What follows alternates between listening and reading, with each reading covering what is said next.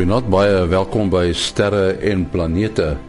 Ons gaan uh, vanaand ons gaan vanaand gesels met ons gewone span, professor Mati Hofman en Willie Koorts, maar ook met Greg Roberts, 'n uh, satellietjagter. Maar voor dit, ruimte nuus wat geskryf is deur Herman Turin in Bloemfontein. Die Suid-Afrikaanse Ruimteagentskap SANSA is in Desember 2010 deur die Departement van Wetenskap en Tegnologie in die lewe geroep en het hom reeds as waardevolle vennoot aan ander lande gevestig in onder meer die lansering van tuie na die diep ruimte. SANSA se streeksentrum vir ruimteweer lewer ook 'n waardevolle bydrae om die land te waarsku teen sonuitbarstings wat kommunikasie kan ontwrig en ander skade op aarde kan aanrig. SANSA is ook trots op die vordering wat gemaak word met 'n Suid-Afrikaanse satelliet EOSAT-1 Die satelliet sal vanuit die ruimte 'n oogie oor die aarde hou. NASA berig dat wetenskaplikes wat meteoriete bestudeer het wat van Mars afkomstig is, bewyse gevind het dat Mars oor 'n beduidende waterreservoir onder sy oppervlak beskik. Die internasionale span NASA wetenskaplikes se bevindinge is in die vakjoernaal Earth and Planetary Science Letters gepubliseer. Die navorsing kan lig werp op wat van die water en ys geword het wat eens in 'n redelike groot hoeveelhede op Mars se oppervlak aanwesig was. Die meteoriete van Mars oorsprong van verskillende ouderdomme het getoon dat die meteoriete voorheen aan water blootgestel moes gewees het. Die isotope verskil van dit wat nou in waterdamp in die atmosfeer van Mars aangedreef word. Die bevindings is ook geskoei op inligting wat van wenteltuie om Mars bekom is en wat onder meer fotos insluit van water en yswerking. Die navorsers sal graag nog meer meteoriete wil vind wat van Mars afkomstig is. Tot sover ruimtenis wat geskryf is deur Herman Turin in Bloemfontein. En nou is dit weer tyd om te gesels met uh, Kobus Olkers wat hierdie keer so bietjie meer noord as Florida is en dit is in Vermont. Uh as ek dit nou reg het dan is dit taamlik koud daar so, nee Kobus. Ja, dit is so redelik hier enkie onder vriespunt op die oomblik. Ehm um, maar dit lyk darem asof ons 'n 'n bietjie reën gaan kry en die sneeu gaan 'n bietjie minder word. En intussen gaan die son voort met sy manewales. O, ja nee, net en nie vir ons manewales gegee hierdie afgelope ruk nie, né? Uh ons het hierdie vinnig groeiende X uh X uh fakkelbron gehad wat het verlede week opgekom het. Hy het sommer hier die bloute uitgegroei en ehm um, o, hy het vir ons 'n X-fakkel of twee gegee hier in hier verlede week. Uh daar is op die oomblik nog 'n bietjie van sy oorblyfsels uh die die ionosfeer is nog redelik geïoniseerd van hom af. Ehm um, ons het ook uh opvolging hy is natuurlik nou agter die son in. Eh maar hy het 'n klein opvolgertjie wat uh, dit lyk asof hy nie te veel gaan groei nie. Uh hy het die potensiaal om om vir ons M-klas vakkels te gee en hy is geo-effektief op die oomblik so. Ons kan vir die volgende paar dae as hy 'n koronamassa uitbarsting maak, dan kan dit vir ons 'n bietjie pret gee met kommunikasie en met ehm um, met ons GPS en so aan. Dan is daar 'n klein koronagaatjie wat ook nou geo-effektief is. Uh hy sal vir ons uh, langafstand kortgolf gebruikers gaan hy die die frekwensies 'n bietjie verander. Ehm um, dit lyk asof hulle dalk uh dalk 'n bietjie kan afkom as ek nou so vinnige langtermynskatting moet maak. En dan is daar 'n baie groot koronagat aan die suidpool van die son, maar het, ek glo nie hy sal vir ons enige uh enige probleme gee nie. Uh filamente uh, lyk nie eintlik asof daar daar's enetjie wat nou net afgedraai het van die son se oppervlakte af en daar uh, lyk nie asof enigiets is wat onstabiel is op hierdie stadium nie. So alles en alles behoort ons ruimte weer uh uit uh, uitkyk vir die volgende week redelik stil te wees uh met 'n kans van uh koronamassa uitbarstings. Goed, koop as jy besonderhede. Dit is uh kobusolkers@gmail.com k o b u s o l c k e r s by gmail.com. Baie dankie. Dit was uh Kobus Olkers daar in Amerika. Ons sê baie welkom aan uh, ons span. Dit is uh professor Mati Hofman van die Universiteit van die Vrystaat, die Boden Sterrewag en die uh, digitale planetarium en Willie Koorts van die SAAO. En ons het ook vanaand vir Greg Roberts daar van die Kaap en uh, hy is 'n uh, satellietopspoorder. Ons gaan so 'n bietjie praat, het waarskynlik uh, gesien in die media dat daar uh, een of ander spionasie satelliet gelanseer is met die hulp van die Russe. En uh, uh Greg hou daarvan om hierdie satelliete op te spoor. Uh Greg, ons wil sommer met die deur in die huis val. Uh hoe gaan jy te werk om om 'n satelliet op te spoor? Hoe weet jy waar hy is? Well, it depends what which satellite it is. Um in some cases the satellite data is classified so we have to work it out for ourselves where the satellite will be. And we make use of uh, various bits of uh, information that is leaked out somehow or other. There are ways of determining where a satellite uh, should end in orbit. But in this particular case, um, there's nothing secret about it as far as the uh, orbital data is concerned. The satellite, as you know, was launched by the Russians. And uh, there is no agreement, as far as I know, between the Russians and the Americans to for the Americans to keep uh, quiet about the orbital data on Russian satellites. So this data for this particular satellite is readily available on the internet for anybody who's interested. So so much for being a secret satellite. Uh, so satelliet lyk seker maar net soos al die ander satelliete is 'n sterretjie wat beweeg. Dit lyk soos 'n yes. sterretjie wat beweeg. Yes, yes. Yeah, uh, unless one uh, goes to the expense of putting up a, a real large fancy tracking telescope, uh, all the satellites that are normally observed appear nothing more than a moving star of varying brightness. Het jy die uh, satelliet al gesien, Willie? En uh, nee, ek het nog self nie uh, probeer kyk na hom nie. Ehm um, ek het ek het wel gesien Greg Greg uh, is is on it soos hulle sê en en hy kan definitief vir ons meer vertel. Ja. Ja, so die die ek het ek het eintlik ehm um, oh, ek ek hou 'n bietjie vakansie so ek het nou ek het nou nie ek in die, in die geval is dit die ideale tyd om sulke klas van goeders te doen, maar nou sou ek soveel ou soveel ou taakies hier rondom my huis wat 'n mens wil klaarmaak. Ek was destyds betrokke by ehm um, die uh, programmering van die stelsel wat wat Greg gebruik en uh um, wat ons dan dan met 'n rekenaar uh wat dan uh, motors aandryf wat wat dan die die montering beweeg om om dan die die satelliet te volg. Ja, dit lyk nogal of dit 'n heel suksesvolle storieetjie is. Greg Greg uh, kry nogal baie baie goeie werk gedoen en eintlik uh, uit al 'n hele klompie ander baie meer geheime sendings opgespoor uh partymal tot tot uh um, tot 'n bietjie onderus wat is die woord van van van van die Amerikaanse uh uh regering amptenare ensovoorts ja. Dis nou vir ons selfs 'n spionasie satelliet te wees.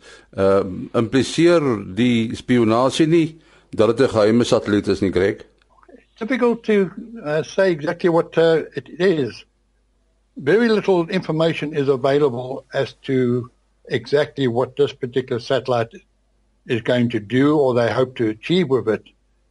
The basic details of the satellite itself is uh, readily available on the internet, such as what size it is, what its capabilities are, and uh, the only thing really secret is what South Africa is going to do with it and how they intend to use it. Because, uh, frankly, uh, to me, it seems to be a little bit of a white elephant and, uh, and an unnecessary expense, which could well be spent on something much more uh, pressing. We don't need a spy satellite. Uh, that's my opinion anyway. Uh, Greg, Greg, hoekom doen jy hierdie soort van ding? Hoekom spoor jy satelliete op? Is dit doodgewone stokperdjie of het iemand vir jou gesê doen dit asseblief? Well, I started I became interested in astronomy at the age of 8 and that was in 1948. And uh, my interest soon branched into uh, space travel. So when the uh, first satellites went up, I was already uh, mad about that kind of hobby, and uh, I did it for a few years uh, for the Americans, Moonwatch and things like that. And then I became a professional astronomer and gave it a rest until I retired. And then I took it up uh, virtually full time.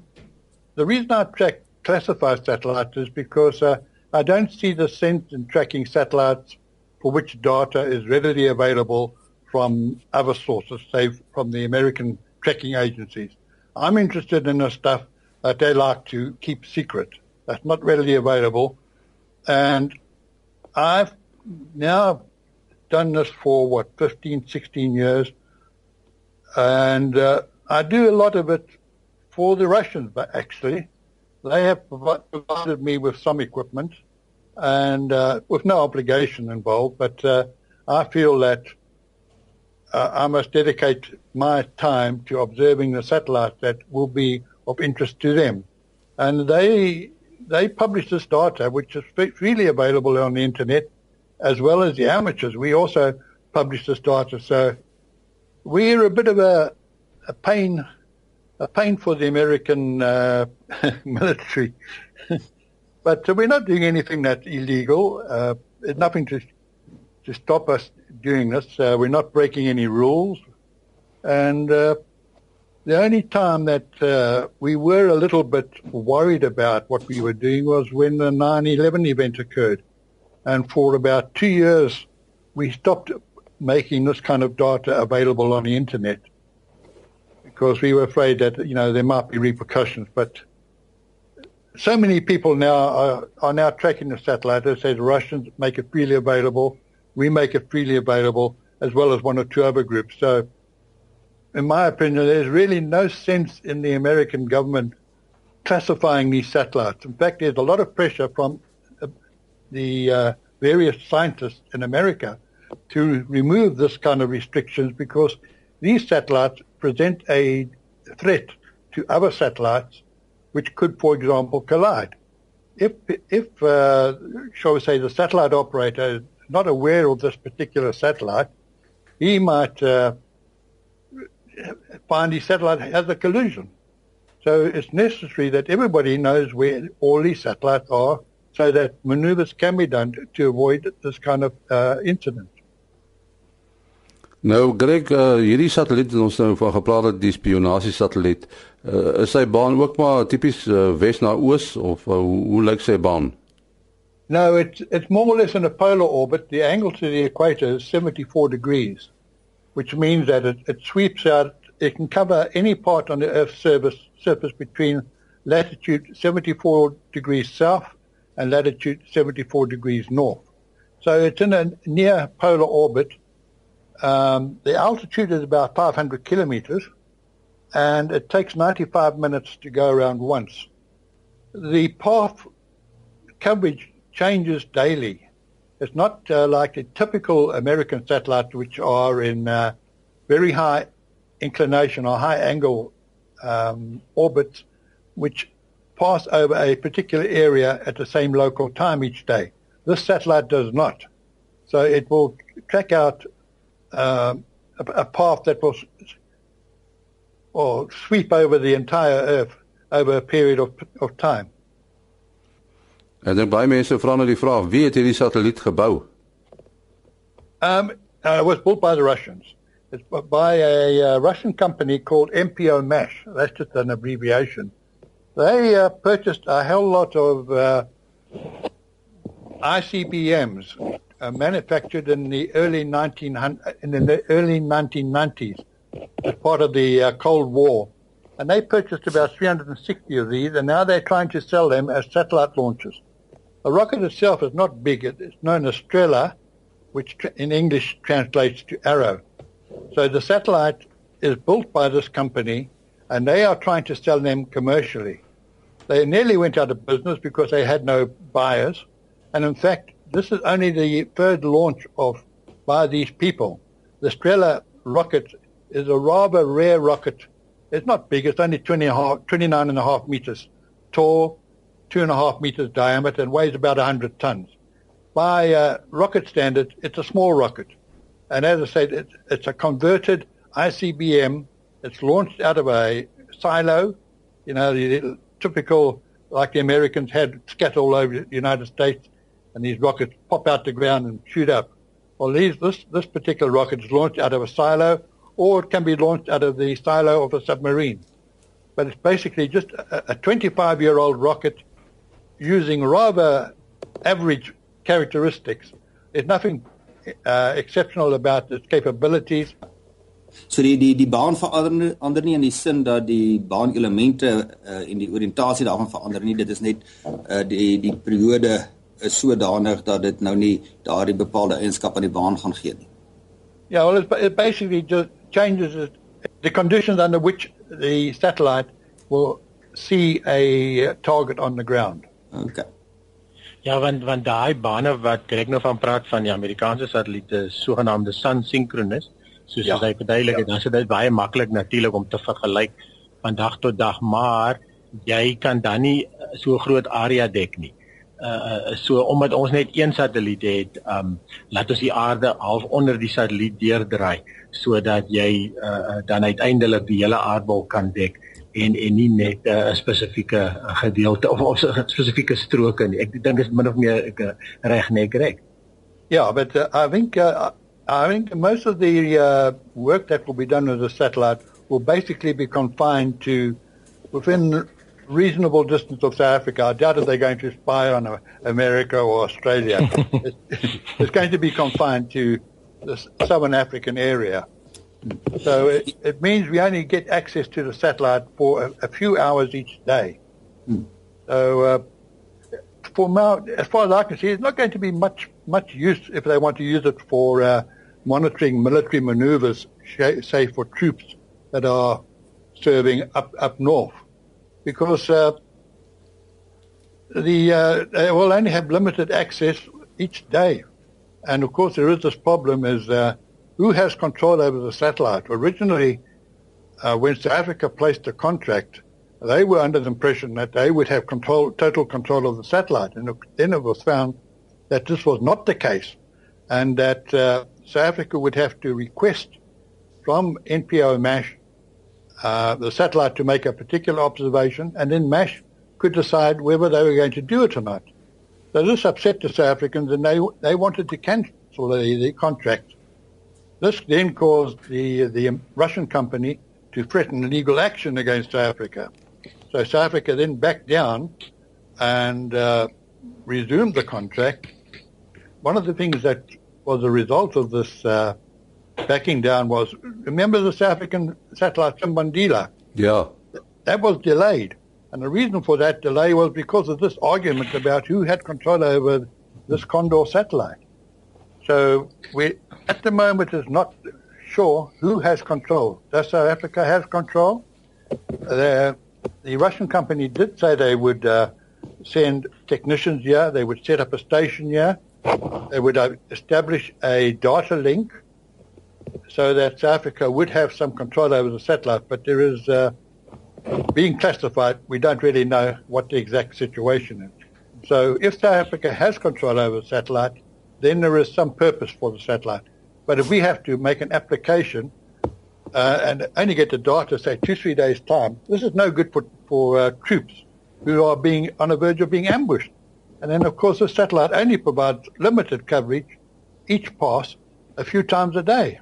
So, frankly, I just don't see the use of the satellite. as as as jy sê Greg dat ons beheer het oor die satelliet of nie beheer het nie. Watter soort beheer praat jy van? Want ons kan nie eintlik die baan van die satelliet verander nie. No, yeah, we won't as far as I know the satellite does not have the ability to carry out major orbit moves. I'm not aware if it can do this or not. This we can find out over the course of time by watching the, the orbital data from the satellite. So what South Africa would want to do is be able to send a signal to the satellite and switch the the uh, transmitter on the Russian satellite so that it will beam the data back to the ground station. Now, there are two modes. There's a low a low data rate, which apparently we might have, and then there's a high data rate, which is only limited to the American to the Russian side. So at the moment, we don't know who what rate we're going to have, if we have any rate at all. And of course, there's the question is where is the station? The logical place seems to me to be the uh, the uh, South African uh, station at Hartebeespoort. this is where most of the tracking is done. And of course, we've also got the uh, tracking facilities at the uh, Overberg test range that belongs to Denel. So it's interesting. It Will be interesting to find out if we are, in fact, if we have any command or control over the satellite. Uh nee, ek wil nou net nog so een vraag vra. Die Amerikaanse verkenningssatelliete wat dan nou dieselfde gebied op die aarde onder selfde beligtingomstandighede uh kan waarneem. Uh op watter hoogte moet hulle dan wentel om daardie eienskap te hê? Hulle is tog seker nie daar in die hulle wel dit gaan nie sin maak dat hulle uh, uh in die geostasionêre bane sien want hulle vlieg nie oos-wes nie, maar dan moet tog seker 'n bepaalde periode wees wat dan nou sinkroniseer met die 24 uur periode van die aarde se rotasie. Yeah, well, the American ones, they they uh, are normally in quite elliptical orbits. Uh, for example, one that I track, I'm busy tracking at the moment, has a low point of 280 kilometers and goes out to 880 kilometers. And they periodically change the orbit of the satellite to, uh, how to say, in view of what targets they're looking for. So sometimes it's possible to, to determine where they are watching by seeing where the low point of the orbit is. And at the moment, um, this one particular satellite, USA 186, has a, a low altitude, a low perigee of 280 kilometers over us.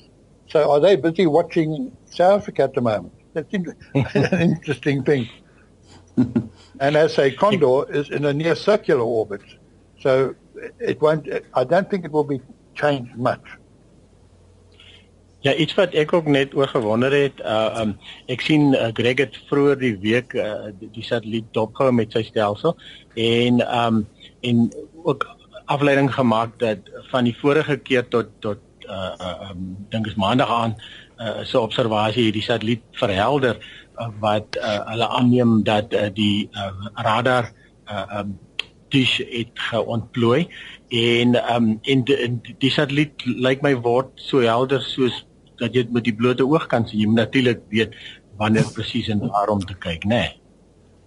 Yeah, uh, when we uh, first observed it, it, it wasn't particularly bright. In fact, it could not be seen with the naked eye. But when I observed it recently, a few days back, it had brightened quite considerably. And this leads me to believe that the six meter radar dish has been uh, released and it also appears that the satellite is completely stable because there's no variation in brightness. And as Willie says, this one is now bright enough to be seen with the naked eye if you look at the right place at the right time. The, the dish is about six meters in diameter. It's a big, it's a big radar dish and uh, it transmits pulses uh, on a frequency of 9.6 centimeters, which is 3.13 gigahertz. So I'm wondering if it's not possible to pick up these uh, radar signals from the uh, satellite when it goes over, because it's beaming this radar signal down to the ground, a very powerful signal, up to 1,200 watts. And the signal bounces off the ground and then is picked up by the dish on the satellite. And of course, they then uh, pr- produce a, a radar image of what the target is looking at but it is sending out this very powerful pulse or a very powerful signal on 9.6 centimeters. So if you put up a receiver and a dish on 9.6 centimeters and it goes over, will one pick up that signal? I suspect one one could. I have the capability of doing it, but uh, frankly, I don't really have the motivation to do it because uh, I'm not really that really interested in it. And of course, there's no guarantee that it will be transmitting every time. The uh, dish on the satellite can be maneuvered to uh, a, a, bit uh, off track each side, in other words, to cover a wider path of the Earth as it moves around. So it's a, it's a possibility if one was really keen that one could possibly pick up the signal.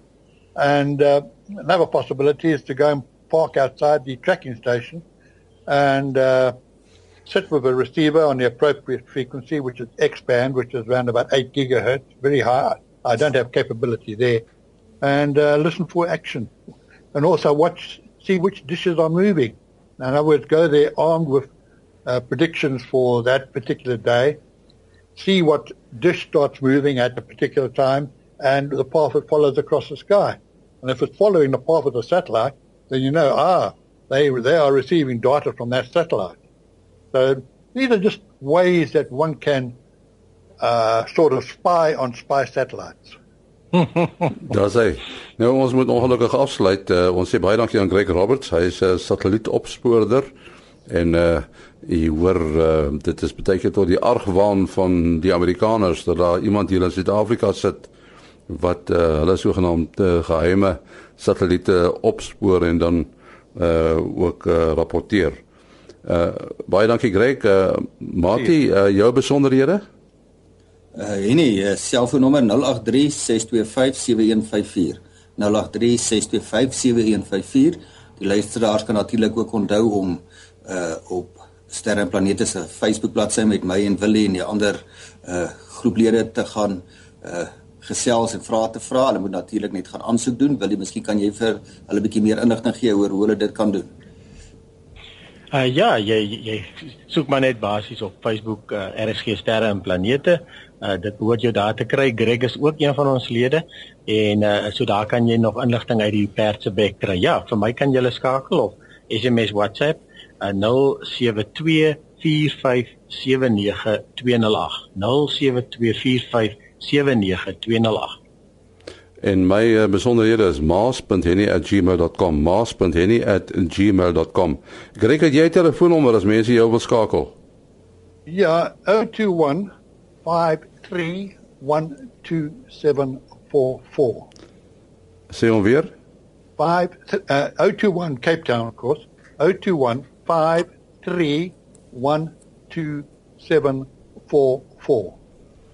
Baie dankie. Nou, tot volgende week. Alles van die beste.